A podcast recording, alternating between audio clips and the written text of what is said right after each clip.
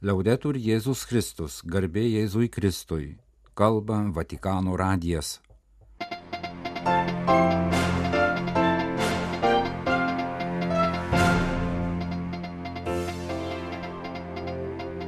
Malonus klausytojai šioje šeštadienio birželio 17 programoje Vatikano valstybės sekretoriaus kalba tarptautinėme konfesijų forume už dialogą ir taiką Balkanuose.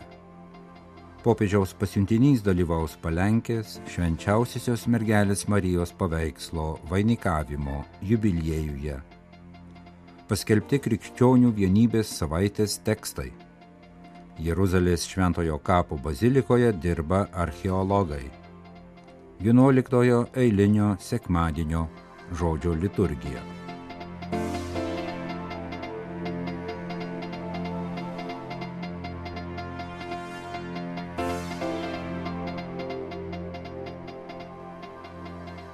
Vatikanas palankiai vertina vakarų Balkanų kraštų siekį instituciškai integruotis su ES valstybėmis, šeštadienį pažymėjo kardinolas Pietro Parolinas, kreipdamasis į tarptautinio konfesijų forumo už dialogą ir taiką Balkanuose dalyvius.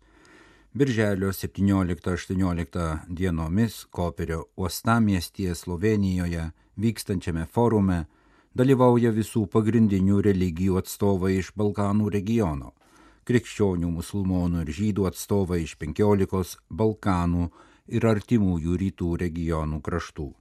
Kardinolas Parolinas, Vatikano valstybės sekretorius, vadovavo Šventojo sosto delegacijai forume. Pasak Pietro Parolino, popiežius Pranciškus mato Europą kaip brolybės kelią, kuriuo vadovavusi moderniosios Europos tėvai steigėjai. Jam Europa, pagal Roberto Šumano viziją, yra taikos tvirtovė, kuriama valstybių, kurios susivienijo neverčiamos, bet laisvų pasirinkimų dėl bendrojo gėrio visiems laikams atsisakydamos prieš priešos. Popiežius svajoja tokią Europą, taip pat Balkanams, patikino Pietro Parolinas, Jis pažymėjo, kad šventasis sostas labai remia vakarų Balkanų siekį ir vilėsi, kad jo įgyvendinimas padės sumažinti apleistumo jausmą tiems, kurie su viltimi žvelgia į Europos Sąjungą, trokšdami gerovės ir klestėjimo. Be to, Vatikanas įsitikinęs, kad Sąjungos plėtros perspektyva pasitvirtino kaip gera galimybė pravesti struktūrinės reformas politinėse, ekonominėse ir socialinėse sferose, taip pat žemynų taikai, stabilumui ir demokratijai ugdyti. Valstybės sekretorius apžvelgė Šventojo sosto ryšius su Balkanų valstybėmis per pastaruosius 30 mečius, pradedant nuo 1990 m. Kroatijos ir Slovenijos nepriklausomybės siekių Vatikanas juos vertino su dideliu atsargumu, tačiau paaiškėjus, kad šių kraštų nepriklausomybės pripažinimas palengvins laisvės įtvirtinimą, ėmė skatinti tarptautinį konsensusą, kad abi valstybės nedelsiant būtų pripažintos. Popiežius Jonas Paulius II, kuriam labai rūpėjo regiono kraštų susitaikymas, pakartotinai kreipėsi į vakarų Balkanų Respublikų religinių bendruomenių lyderius katalikus, ortodoksus ir musulmonus, ragindamas sustiprinti dialogą ir bendrus veiksmus, kuriant taikos ir susitikimo kultūros atmosferą tarp visų gyventojų, kuriems skirta gyventi kartu besikūrenčioje naujoje Europoje. Anot Pietro Parolino, Balkanai taip pat šiandien turi skirti daug pastangų susitikimo ir dialogo kultūrai, kuri išstumtų prieš priešos kultūrą. Dialogas yra tapęs esminiu dalyku spartesnio, tarptautinio bendravimo paženklintame nūdienos pasaulyje. Tarp religinis dialogas irgi yra ypatingai svarbus taikingai ateičiai Balkanuose, pažymėjo Pietro Parolinas. Anot jo, tarp religinis dialogas yra kelias pasaulio brolybei ir taikai ugdyti tarp religinis dialogas priklauso susitikimo kategorijai, yra raginimas tiesti tiltus užuot stačius mūrus. Vatikano valstybės sekretorius patikino apie šventojo sosto artumą visiems Balkanų regiono gyventojams ir išsakė viltį, kad forumas Slovenijoje prisidės prie tiltų tiesimo, nepaisant galimų sunkumų ateityje. Popiežius Pranciškus paskyrė kardinolą Stanislavą Dievišą, Krokuvos arkivyskupą emeritą, savo specialiųjų pasiuntinių palenkės Dievo motinos paveikslo karūnavimo 300-ųjų metinių iškilmėms, kurios per žolinę rūpiučio 15 dieną bus švenčiamos Kodenio šventovėje Lenkijoje. Kodenio švenčiausiosios mergelės Marijos šventovės istorija siekia XVII amžiaus pirmąją pusę. Tuometinis šios vietovės prie Būgo upės savininkas kunigaikštis Mykolas Sapiega, vadinamas pamaldžiuoju, Brastos ir Minsko vaivada Lietuvos kariuomenės vadas, sunkiai susirgo ir norėdamas atgauti sveikatą, 1631 metais išvyko į piligriminę kelionę į Romą. Per mišes, į kurias jį pakvietė popiežius Urbonas VIII, jis atgavo sveikatą. Kunigaikštis suprato, kad stebuklingas pagyjimas tai atsakas į jo maldą prie Dievo motinos paveikslo, kuris buvo popiežiaus koplyčioje. Kunigaikštis maldavo popiežių, kad jis šį paveikslą jam padovanotų, tačiau popiežius kategoriškai atsisakė. Tuomet Mykolas Sapiega paveikslą pavogė ir parsivežęs į savo valdas prie Bugo upės, pakabino jį statomoje naujoje bažnyčioje. Popiežius ekskomunikavo kunigaikštį dėl akiplėšiškos vagystės. Tačiau po keliarių metų vagis nuvyko į Romą, atliko atgailą ir gavo atleidimą. Sužinojęs, kad naujoje vietoje paveikslą lanko žmonės ir prie jo meldžiasi, popiežius sutiko, kad jo paveikslas ten ir pasiliktų. Taip gimė Palenkės Dievo motinos šventovė. Jau dabar galima susipažinti su busimos krikščionių vienybės savaitės tekstais, kuriuos parengė Burkina Faso krikščionys protestantai, katalikai, ortodoksai.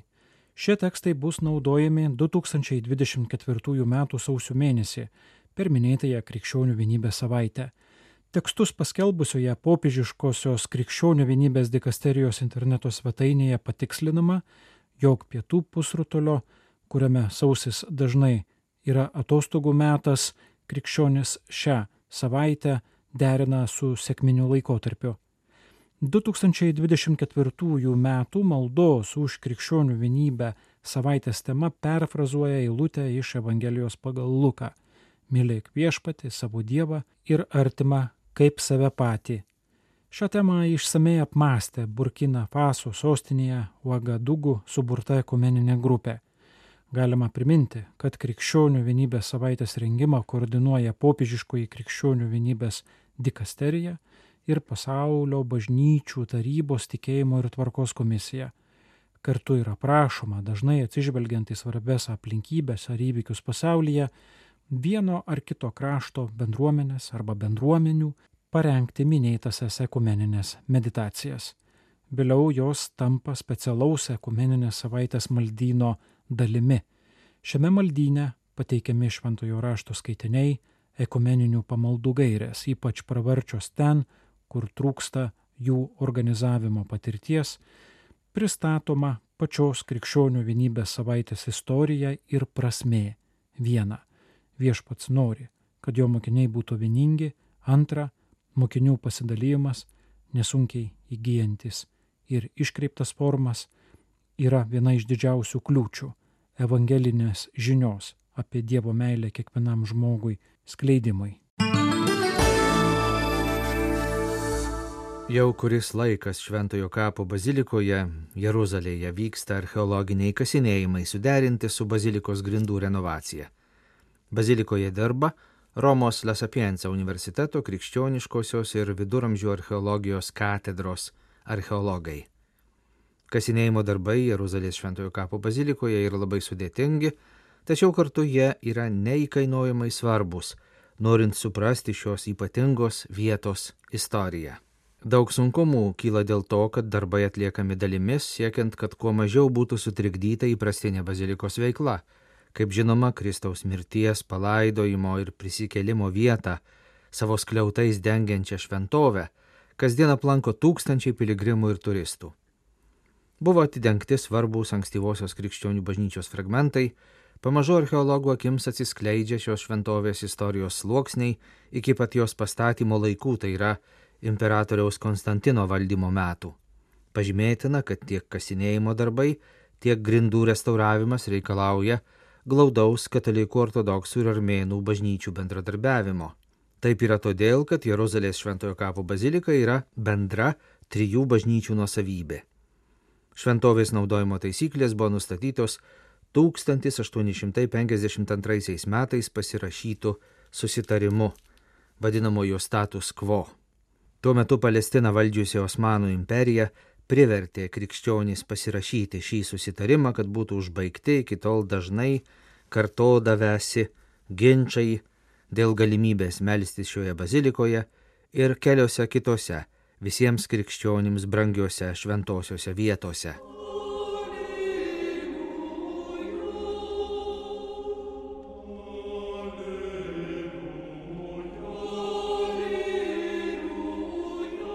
Vienuoliktasis eilinis sekmadienis. Iš Evangelijos pagal Matą.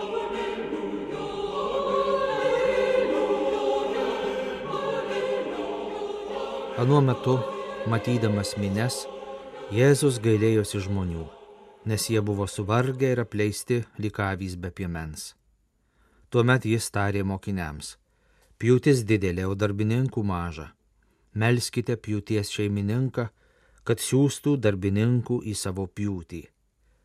Pasišaukęs dvylika mokinių, Jėzus suteikė jiems valdžią netyrosioms dvasioms, kad išvarinėtų jas ir gydytų visokias ligas bei negalės. Dvylikos apaštalų vardai. Pirmasis Simonas pavadintas Petru ir jo brolis Andriejus.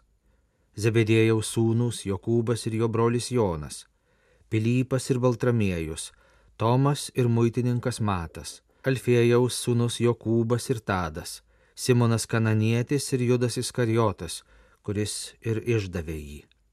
Šios dvylika Jėzus išsiuntė duodamas jiems nurodymų. Nenuklyskite pas pagonis ir neužsukite į samariečių miestus. Verčiau lankykite pražuvusias Izraelio namų avis. Eikite ir skelbkite, jog prisartino dangaus karalystė gydykite ligonius, prikelkite mirusius, apvalykite raupsuotus, išvarinėkite demonus. Dovanai gavote, dovanai ir duokite. Skaitome Monsignoro Adolfo Grušo mums parengtą 11 eilinio sekmadienio Evangelijos komentarą. Išrinktieji. Jėzus mato pavargusius ir nusivylusius žmonės. Kaip tik tada jis ir pašaukė dvylika vyrų, kad jie testų jo darbus. Iš tiesų nelabai aišku, kam jam reikėjo kviesti kitus žmonės, juk jis buvo Dievo sūnus, argi to nebūtų pakakę. Jėzus supranta, kad negali visko padaryti vienas. Jam reikia manęs, tavęs, kiekvieno iš mūsų. Paradoksalu, tačiau Dievas negali pasiekti visų žmonių. Todėl jam ir reikia pagalbos, reikia mokinių, kurie padėtų jam darbuotis. Tikriausiai kiekvieno mūsų gyvenime buvo akimirkų, kuomet prispausti daugybės įpareigojimų, susidūrę su būtinybė vykdyti duotus pažadus, buvome priversti pasakyti ne. Tai akimirkos, kai patiriame savo bejėgiškumą ir ribotumą. Ir tada gera žinoti, kad net Jėzus, Dievo sūnus, suvokė, jog negali visko padaryti vienas. Jis negalėjo visko padaryti ir pasiekti visų, todėl paprašė pagalbos. Kartais ir mums tenka susitaikyti su savo bejėgiškumu ir nusistatyti savo ribas. Kai šeimos ar pastoraciniai reikalavimai tampa per dideli, kaip ir Jėzus turime prašyti pagalbos arba išdrysti pasakyti ne. Žvelgiant į apaštalų sąrašą, jis gali pasirodyti keistas. Bet kuris iš mūsų tikriausiai būtų pasirinkęs kultūriškai pasirengusius vyrus, pasižyminčius išskirtinėmis moralinėmis darybėmis, išminčius, kokius nors rašto aiškintojus ar fariziejus, švento rašto žinovus. Tačiau apaštalų tarpe nematome ne vieno iš jų. Kodėl viešpats pasirinko būtent šiuos vyrus? Todėl, kad pasirinko juos su meile, neskaičiuodamas, kiek jų pastangos gali būti veiksmingos. Būkime sažiningi. Parapijose rinkdamiesi katechetus ar animatorius norime, kad jie turėtų reikiamų įgūdžių, pasižymėtų pačiomis geriausiamis žmogiškomis savybėmis ir sažiningumu. Tuo tarpu Jėzus savo paštalus renkasi iš paprastų žmonių ir taip elgesi būtent todėl, kad jie yra paprasti žmonės, sudarantys Dievo tautą, bažnyčią. Bažnyčia visada bus persmelkta šventumo ir nuodėmės, nes ji yra žmogiška, labai žmogiška ir visada savyje nešiojasi ribotumo pėtsaką. Tai ir yra bažnyčia. Paskenčiantį žmogų Jėzus siunčia kitus trapius ir sužeistus žmonės, perkeistus jo meilės. Apaštalų sąrašas mums pasako dar vieną dalyką. Dievas kiekvieną kviečia vardu. Jo akivaizdoje mes nesame masė, minios dalis. Dievui visi esame unikalūs jo vaikai. Savo pašaukimą apaštalai vykdo mokydami eikite ir skelbkite, jog prisiartino dangaus karalystė, sako jiems viešpats. Apaštalo misija yra dinamiška, ji nepripažįsta dvasinių pauzių ir sėslumo. Krikščionybė niekada negali būti nejudri, ji yra gyvenimas, kelionė, sekant mokytojo pėdomis. Tai kelionė be pabaigos, visą laiką besitęsiantis susitikimo troškimas. Evangelijos skaitinio pradžioje, matydamas žmonių mines, Jėzus kvietė - Melskite pjūties šeimininką, kad atsiųstų darbininkų į savo pjūtį. Mes šiuos žodžius iškart suprantame kaip kvietimą melstis už kunigiškosius pašaukimus. Iš tikrųjų yra ne taip. Mes meldžiame, kad jis siūstų mus dirbti jo laukia. Siūstų kaip jaunavedį, kaip nuotaka, kaip kuniga, kaip diakona, kaip vienuolį, kaip vyrą, kaip moterį. Iš tiesų derlius yra gausus. Taip viešpats mato savo bažnyčią. Mes matome pusiau tuščias šventovės, o jis mato ką kitą. Jis mato kviečius, kurie jau bręsta žmonijos laukuose. Kiekviena širdis yra grumstas, galintis kurti, kiekviename mūsų gyvena Dievas. Aš ir toliau myliu bažnyčią, nepaisant jos netobulumo, nepaisant mano netobulumo, visuomet prisimindamas, kad būtent nuo tų dvylikos netobulų mokinių prasidėjo iki mūsų atitekėjusi Dievo gailestingumo upė. Būtent tie dvylika mums perdavė tikrojo Dievo veido portretą. Dievas ir toliau kviečia silpnus ir nepastovius vyrus ir moteris, kad jie skelbtų gerąją naujieną. Atėjo mūsų metas.